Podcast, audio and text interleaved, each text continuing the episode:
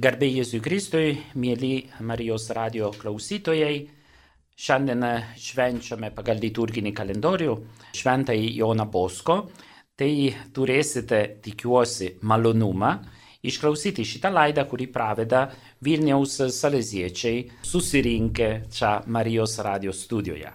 Kalbu su jumis, aš esu kunigas Aleksandras Barelli, Vilniaus saleziečių vienuolino direktorius. Kartu su manimi dalyvauja dar du broliai, kunigas Oliveris Ryan Bautista. Jis yra iš Filipino, atvykęs prieš du metus į Lietuvą, jam 36 metai.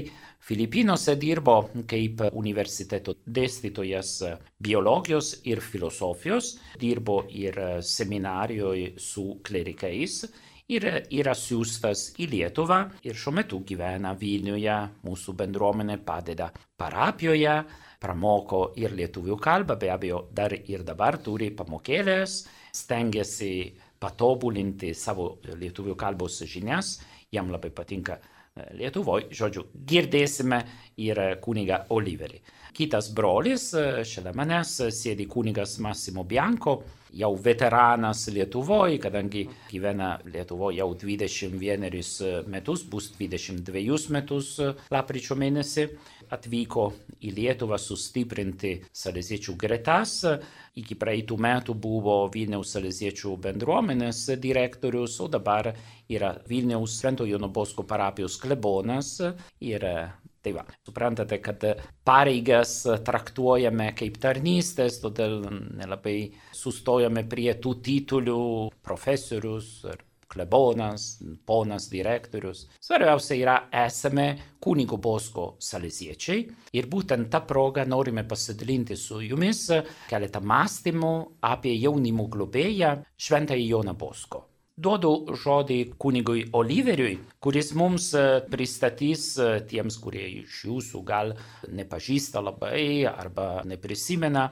kas buvo kunigas Bosko, kada gyveno, kur gyveno ir ką įdomaus Dievo tarnystėje ir padarė.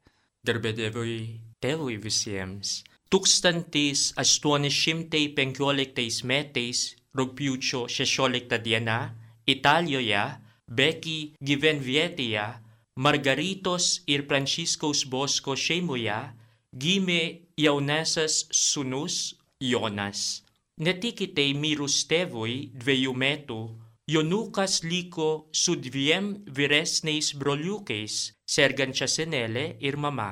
Nuo pat vaikystės jautė, kad viešpats jį kviečia pašvesti savo gyvenimą neturtingo jaunimo labui tapęs kunigu 1841 metais pradėjo burti aplink save šimtus jaunolių, kurios artino prie Dievo draugiškumo ir švelnumo. Jis buvo giliai žmogiškas ir taip pat giliai Dievo žmogus, pripildytas šventosios vasos dovanų. Šie du aspektai susijungė ir sukūrė glaudžiai susijusi gyvenimo projektą jaunimo tarnavimą. Rūpinamasi vaikais ir neselgiškas atsidavimą jiems nedaug kas suprato, nedaug kas žavėjosi. Jis dažnai buvo smerkiamas, nesuprastas. Kentė panieka, tačiau savo misiją nesudvėjojo ne akimirką nuo mažumės šalia buvusi motina Margarita. Iki paskutinės savo gyvenimo akimirkos prasidėjo prie šios kilnos misijos.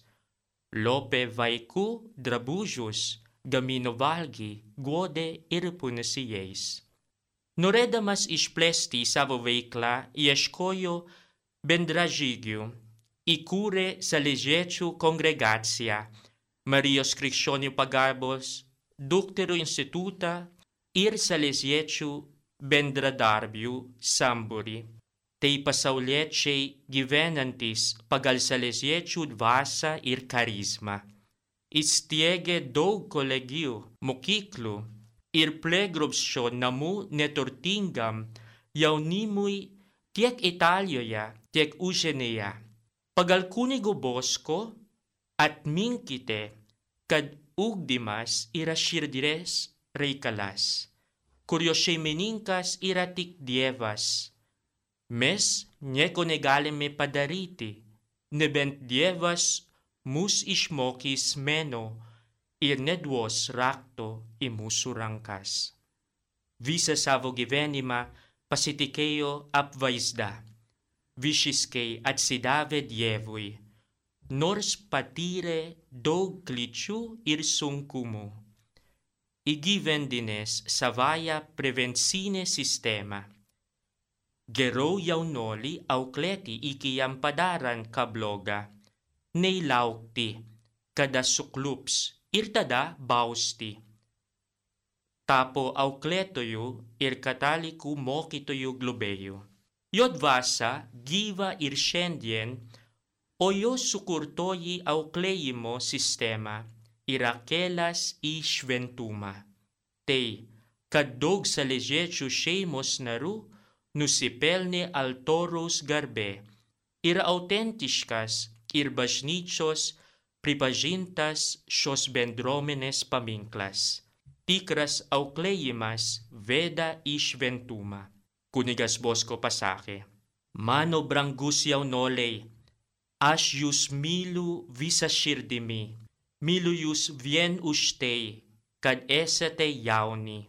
Galiu užtikrinti, kad sutiksite daug protingesnių ir dorybingesnių asmenų, tačiau sunkiai rasite kitą asmenį, mylinti jūs taip stipriai Kristuje Jėzuje ir trokstanti jūsų laimės.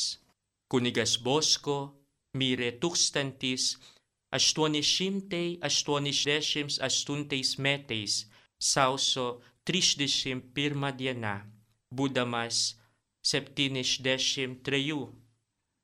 Nesitraukė nuo jo iki pat gyvenimo pabaigos, jį lydėjo ir jo tikėję kunigai. Tolimiais keliais skubėjo ir kūrė savo namus, universitetus jaunieji salėžiečiai, italiai, lenkiai, lietuviai, prancūzai. Tuose namuose, tuose universitetuose skaičiuose šviesa įsitvirtindavo ryčiausias spindulis. Mažo Italijos kaimo didelio žmogaus garbė įvykdyta Dievo valia. Vienas paskutinių Don Bosko žodžių prieš mirtį buvo pasakykite mano vaikams, kad jų visų lauksiu danguje. Dėkojame kunigui Oliveriui, kuris tengiasi ir pasiruošti, ir pasakyti lietuvių kalba tokį trumpą pristatymą. Galima iš tikrųjų rizikuoti suklysti įvertinant ne tik tai kuniga Bosko, bet ir kitus šventuosius. Iš vienos pusės galvoti, kad čia nieko tokio, jie gyveno paprastai gyvenimą ir kodėl turime gerbti. Iš kitos pusės galima gal suvokti ir galvoti klaidingai, kad jie padarė tokius milžiniškus darbus tik dėl to, kad buvo protingi, geri arba iniciatyvus. Šventasis bet kokiu atveju yra Dievo žmogus. Yra žmogus, kuris įleidžia Jėzaus meilę veikti per jį. Ir ten, kur veda Dievo vaizdą, šventasis pasiduoda tai avaizdai ir yra įrankis. Tada norėčiau tik tai, kad jums pasakyti pavyzdį, ne? nes kada kalbame apie kunigą Bosko, kalbame apie auklėtoją, apie žmogų, kuris įkūrė e, pedagoginę sistemą, kuris įkūrė įvairias įstaigas ir dabar jo vienuolynas, e, vienuolyje yra paplitusi per visą pasaulį, bet jis buvo Dievo žmogus, kuris vardant Dievo galėjo veikti. Ir viena lietinga 1847 metų vakarą, gegužės mėnesį, įvyko toks tikras susitikimas. Aš dabar skaitysiu iš e, knygutės Meilės takas, kurį daug iš jūsų pažįsta, yra kunigo Bosko biografija trumpai. Toks epizodas, kada jis susitinka su našlaičiu, kuris pasiprašo prieglopščio nakčiai. Ir yra pirmas iš tūkstančių gal net milijonų žmonių, kurie gavo kunigo Bosko ir jo sekėjų pagalbą ir gauna pasaulyje. Rašo kunigas Bosko, į mūsų duris pasibeldė 15 metis vaikinas, keuriai permerktas lietaus ir labai liūdnas. Paprašė duonos ir nakvynės. Mano mama atsivedė jį į virtuvę ir pasodino prie žydinio. Kol jaunuolis šildėsi ir džiovino drabužius, padėjo jam ant stalo duonos ir sriubos. Aš tuo metu klausinėjau jo, ar lankė mokyklą, ar turi giminių, kam moka dirbti. Vaikinas atsakinėjo. Esu varšas našlaitis. Atvykau iš Valsesijos slėnio, ieškau darbo. Turėjau truputėlį pinigų, bet jau juos išleidau o darbo dar nesusiradau. Dabar nieko neturiu ir esu niekieno. Ar esi prieėjęs pirmosios komunijos? Ne. Ar esi buvęs iš pažinties keletą sykių? O kur dabar norėtum eiti? Nežinau. Dėl Dievo meilės leiskite man pernakvoti kur nors kamputyje čia pas jūs. Vaikinas pravirko. Mano mama taip pat braukė ašaras o ir aš likau smarkiai sujaudintas. Jei žinočiau, kad nevagiliauji, prinčiau tave čia gyventi. Deja, pasitaikė tokių vaikinų, kurie prasprūko įsineždami antklodės. Gal ir tu pasielsi kaip anie? Ne, ne, kunigė, būkite ramus. Esu beturtis, bet niekada nieko nesu pavogęs. Mama man tarė, Jei tu sutinki šią naktį, paliksiu jį nakvoti čia, virtuvėje. Rytoj visko pasirūpins Dievas. O jei jis pavoks puodus, padarysiu, kad taip neatsitiktų. Tada gerai. Mama išėjo su vaikinu į lauką, susirado keletą plytų, atsinešė juos virtuven, padarė gulto kojas, įsitiesė ant jų keletą lentų ir paklojo čiūžinį. Tokia buvo pirmoji oratorijos lova. Tada mano geroji motina ėmė kalbėti berniukui apie būtinybę dirbti, apie dorą ir tikėjimą.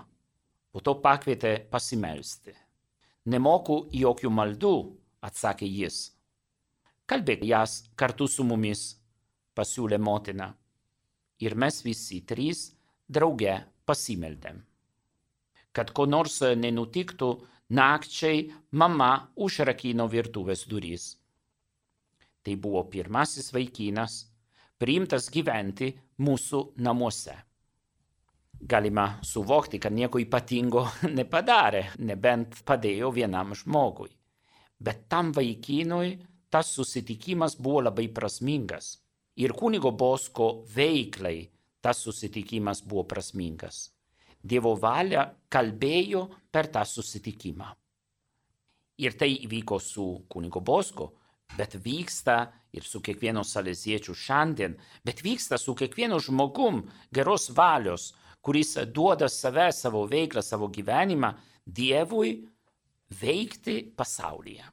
Šiais 2022 metais švenčiame 400 metų mirties Švento Pranciškos Salėzo, o neatsitiktinai kunigas Bosko paėmė jį kaip globėją ir kaip patroną ir savo įstaigai davė Pranciškos Salėzo oratorijos vardą, savo kongregacijai, tai mes, saleziečiai, davė tą šventai kaip pavyzdį.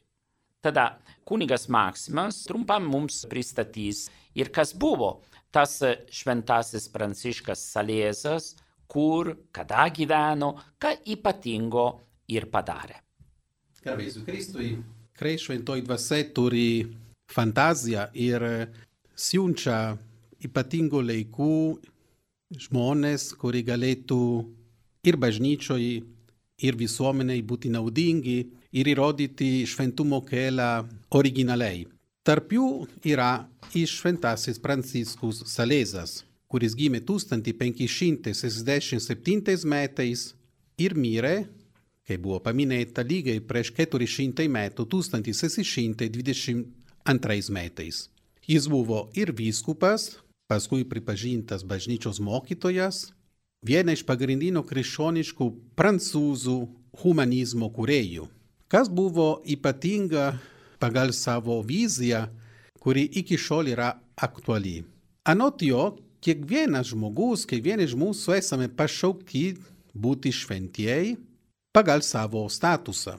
Šventumas iki šiol buvo beveik rezervuota vienuolams, viskupams ir panašiai. O jis įrodė ne tik per savo laiškus ir knygus, bet ypatingai per savo gyvenimo mokymą ir pavyzdį, kad ir amatininkai, ir santokai gyvenantys žmonės, ir kareiviai, ir vaikai, visi pagal savo situaciją gali būti šventieji. Ir visi yra viešpačiui mėly ir troštami. Svarbiausia yra gyventi Dievo akivaizdoje kiekvieną akimirką ir darbuotis jo labui atsidavus iš širdies. Viską daryti su meile ir ne per jėgą ar per prievartą. Pranciškus Salezas gimė Savojoje, pietų Prancūzijoje, vienoje seniausių ir kilmingiausių didikų šeimų. Buvo vyriausias, įsivaizduokite, iš dvylikos vaikų. Tėvo buvo rengiamas valstybininko karjerai, o mama, kuri buvo giliai tikinčiaja, tikriausiai davė jam nuo vaikystės įkvėpimą ir paruošė Pranciškaus širdį į kunigystės kelią. Aišku, kad tėvo valia buvo kitokia ir to laikų tėvos autoritetas buvo nediskutuojama. Tada Pranciškus pirmiausia pasiruošė humanitarinio ir filosofijos net Paryžiuje ir teisės mokslų Paduvoje, Šiaurės Italijoje, viena iš iškimingiausių, geriausių universitetą, bet privačiai studijavo teologiją. Tapo teisės daktaru ir tėvo valia pradėjo dirbti Šamberį mieste kaip senato advokatų. Bet netrukus atsisakė karjeros ir su mamos palaikymu tapo kunigu ir išvyko paštolausi tarp protestantų, kuri gyveno Šablė rejone. Ten nuo 1523 metais iki 98 gražino katalikų bažnyčioj visą anksčiau į kalvinistus perėjusią Šablė apylinkės. Tais metais, 1599, buvo paskirtas Ženevo vyskupo pagalbininko ir po trijų metų konsekruotas vyskupu Ženevos vyskupijoje. Negalėjo net residuoti ten, kadangi kalvinistai turėjo labai didelę įtaką. Ir tada valdė savo vyskupiją gyvendamsi Anesi miestelyje bet jų įtaka siekė ir už viskupijos ribų. Kalvinistai grasindavo bausmėmis ir draudė žmonėms klausytis Pranciškus Salezo pamokslų, tada jis panaudojo kokią sistemą. Skrajutėmis savo mintis perkeltų tikintiesiems palikdavo po durų, prie bažnyčios, gatvėse, kviesdavo į viešinę debatai apie politiką, apie religiją ir sumanimą lydėjo sėkmė.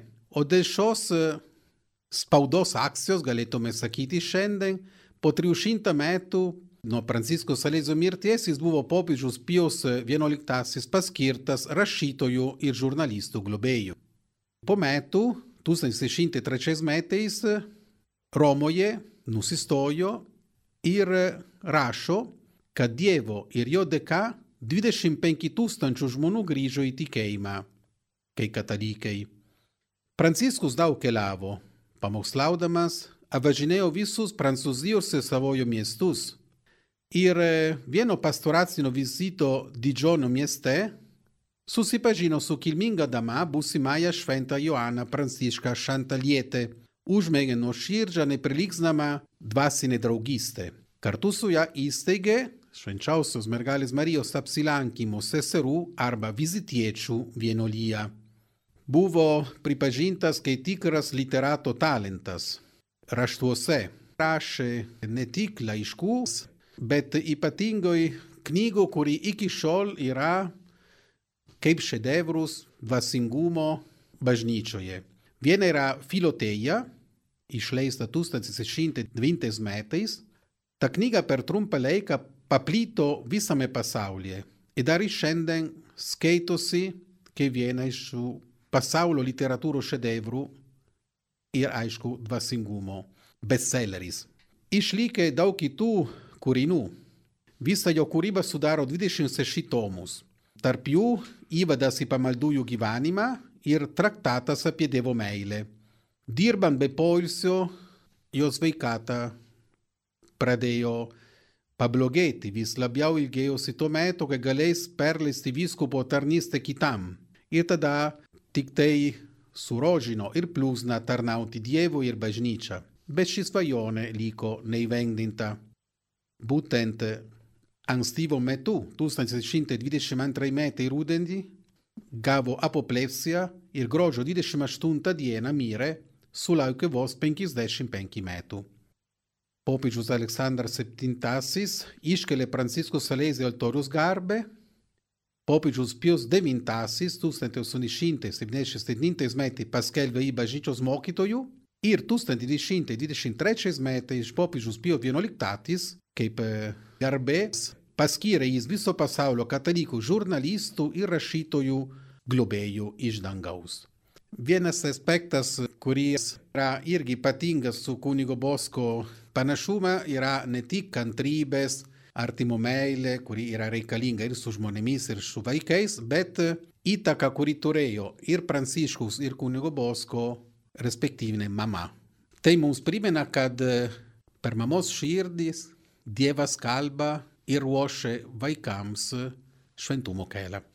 Dėkojame kunigui Maksimui už tokią trumpą pristatymą Švento Pranciško Salėzo asmenybę. Jis buvo labai populiarus Turine XIX amžiuje, kada gyveno kunigas Bosko, dar kada jis mokėsi seminarijoje arba vaikystėje.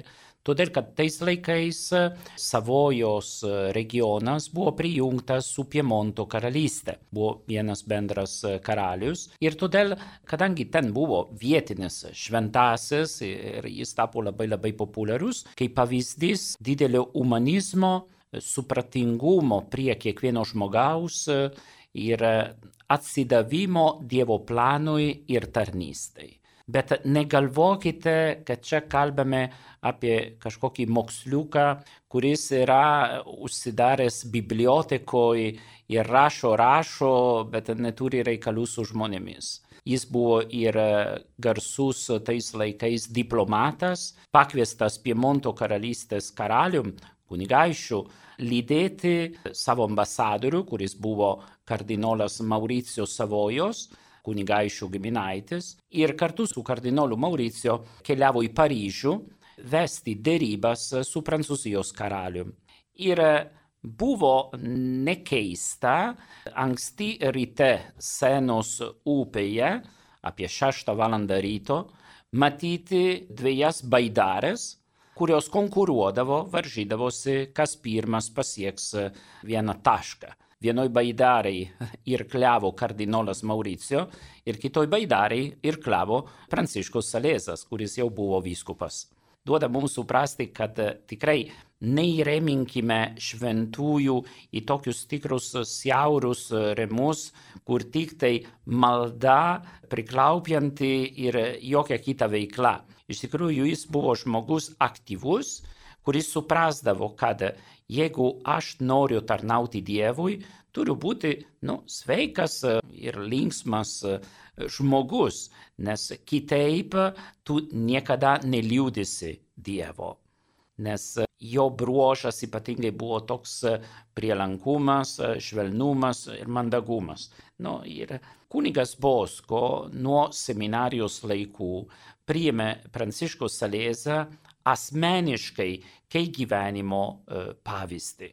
Kunigas Bosko jaunystėje buvo labai karštakraujas, labai supykdavo, labai reaguodavo į pažeminimus ir ypatingai, kada būdavo tikėjimo priešai, kurie keikdavosi viešai ar rodydavo nepagarbą tikėjimui, jis užsidegdavo. Ir pasiliko jo memoaruose toks įvykis, kada valstybinėj mokykloj jis buvo kartu su draugu Luigi Komollo Ir e, kiti vaikinai pradėjo tyčiotis iš e, Luigi. Ir Jonas pasako, palikite į ramybę, atsistokite nuo Jonas, kitaip turėsite atsiskaityti su manim. Bet tie vaikinukai, ypatingai trys, buvo labai tokie pasityčiantis, agresyvus Luigi atžvilgiu. Ir tada Jonas pradėjo muštis. Ir neturėdamas jokio kito įrankio, paėmė vieną iš tų trijų vaikinų ir pradėjo naudoti jį kaip lasdą, mušant kitus. Ir Aišku, visi pabėgo, įsigandė ir Luigi vietoj padėkoti Jonui, sako, Jonai, tavo agresyvumas, tavo nekantrybė mane gazdina, nes Dievas tau davė tokias jėgas, ne kad tu muštum savo kursinius, bet kad tu rodytų jiems šventumo ir gerumo kelią. Ir Jonas labai įsidėmėjo tokiais žodžiais ir įstodamas į seminariją stengiasi vykdyti tokį atsivertimą, asmeninį atsivertimą, žiūrint į Pranciškų Salezą, kuris kartoju jau buvo miręs prieš 200 metų nuo jo laikų, priėmė Pranciškų Salezą kaip pavyzdį kantrybės, atsidavimo, darbštumo, bet ne šiandien ir dabar visko, bet po truputį, po truputį, po truputį tas medaus šaukštelis, kuris pritraukia daugiau mūsų negu visos statinės acto, naudojant Pranciškaus ir pavyzdžio. Kai tapo kunigo, įsteigė jau veiklą vaikinams, jaunimui, buvo natūralus procesas, kad ne tik tai Pranciškaus Salėzas būtų jo asmeninis globėjas ir pavyzdys, bet kad jis siūlytų tiems vaikinams kaip pavyzdį iškentėti sunkumus gyvenime su pilnu pasitikėjimu Dievu. Ir todėl tą savo veiklą, kuris vadino oratorija, naudojant tokį žodį nuo Filipo Nerio patirties, gyvenęs 17 amžiuje Romoje, pavadino tą veiklą oratorija, bet šventojo Pranciško Salėzo. Ir netrukdavo tokių pamokymų, pamokslus arba mintis trumpos pasakytos vaikinams, jaunimui apie Pranciško Salėzio tinkamumą kaip pavyzdys. Ne tik tai tiems, kurie nori būti kunigais arba ir bus viskupais. Ne, čia yra šventumo pavyzdys kiekvienam žmogui ir pasauliečiui, ir jaunam žmogui. Trečias, ne tik tai savo veiklai kaip pavadinimas arba kaip pavyzdys jaunuomeniai, bet taip pat paėmė šventai Pranciškų Salėzą pavyzdį savo kongregacijai. Ir tikrai neatsitiktinai davė tokį pavadinimą saleziečiams, kad jie ne tik tai žiūrėtų į Pranciškų Salėzą, kiek pakartotų savo veikloje savo susitikimuose, savo katekezėse, pakartotų tą patį atsidavimą, kurį pažymėjo ir Pranciškus Salėza. Tai va, tada galime suprasti, kaip tas ryšys tarp šitų dviejų milžinių Jonas Boskas ir Pranciškus Salėzas duoda kaip rezultatas atsinaujinimas jaunimo labui bažnyčioje. Kunigė Oliveri, jeigu tu turėtum apibūdinti trijus bruožus ypatingus e, nuo Pranciško Salėzo dvasingumo, kurie galėtų padėti suprasti kunigo Bosko veiklą ir be abejo, kad galėtų būti naudingi mums, kurie žiūrime į kunigą Bosko. Ką tu galėtum e, pasakyti? Prisiminkite Kunigas Bosco pasirinko Francisco Saleza Globeu, ne todėl, kad garsėjo savo stebuklais, o todėl, kad buvo pavyzdys ir ekvepimas. Išventojo Pranciškaus gyvenimo ir mokymo galime sužinoti tris svarbus dalykus apie gyvenimą, mūsų gyvenimą. Pirmas, širdis kalba iš širdį tik su rumumu ir gerumu galime iš tikrųjų puoselėti gilius tarpusavo santykius. Santykiai, kurius centre yra Dievas ir kuriame augime tikėjime, viltimi ir meilė. Antras, šventumas yra visiems. Mes visi, tu ir aš, esame pašaukti būti šventaisiais. O būti šventaisiais yra lengva, nes pirmiausia tai yra Dievo, o ne mūsų darbas. Dažniausiai problema yra ta, kad mes nenorime, kad Dievas veiktų mumise. Mes neleidžiame Dievui dirbti su mumis. Tegul Dievas padaro tave šventu. Ir atminkite, kad šventumas yra kasdienė užduotis. Didžiausia dovana, kurią galime padovanoti jauniesiems, yra šventumų liudijimas. Gavome naujai, naujausius pranešimus apie zalesiečių šeimos kanonizacijos ir beatifikacijos procesus. Šiuo metu turime devyni šventuosius šimtas aštuoniolika palaimintųjų, dauguma jų kankiniai, aštuoniolika garbingųjų ir dvidešimt aštuoni Dievo tarnus. Iš viso šimtas septyniasdešimt trys. Ir šie saližėčių šeimų šventieji yra iš visų visuomenės sluoksnių, iš viso pasaulio. Jie mums yra padrasinimai.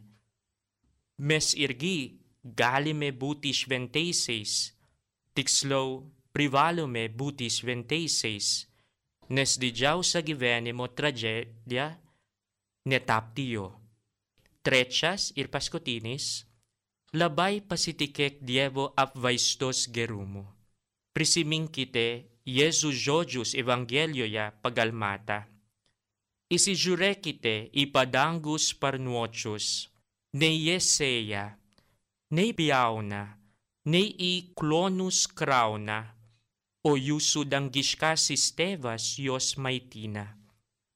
Dėkojame kunigui Oliveriui. Labai graži ta frazė, kurį paminėjai, kad širdis kalba širdžiai. Nes tai matome, kad Dievo žmogus kalba kitiems žmonėms ne savo vardu, o Dievo vardu. Tai yra pašaukimas į šventumą, tai yra pilnas pasitikėjimas Dievo vaizdą. Ačiū už šitą pasidalinimą. O paraleliai galime klausti kunigą Maksimą.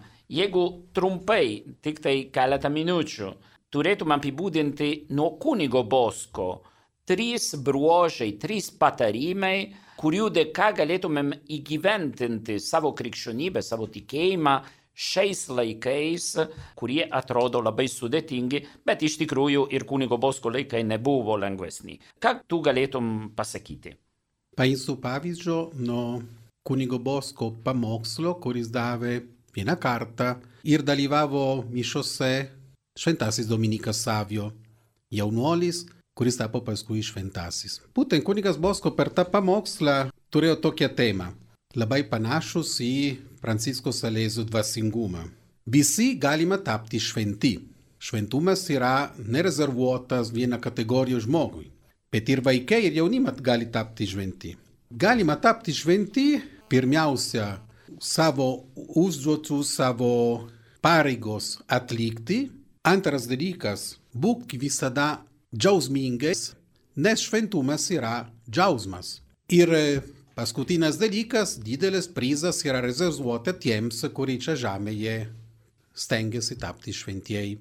Po mišių Dominikas Savio asmeniškai norėjo kalbėti su kunigo Bosko ir pasakė, kad to žodžius atrodo jam kaip didžiausias turtas, didžiausia naujiena. Iki šiol jis negalvojo, kad galima visi tapti šventi ir dar, kad mes galime ir būti džiaugsmingai ir linksmi. Būk linksmas buvo viena iš kunigo Bosko dažnos šūkius. Ir tada prašė kunigui Bosko, padėkite man tapti šventasis. Broliai seserys, kurie klausote Marijos radiją, ateiname prie laidos pabaigos, bet pasiekėme tokį tašką. Suprantame, kad kada širdys kalba širdžiai, kada Dievas kalba per šventuosius, skleidžia šventumą.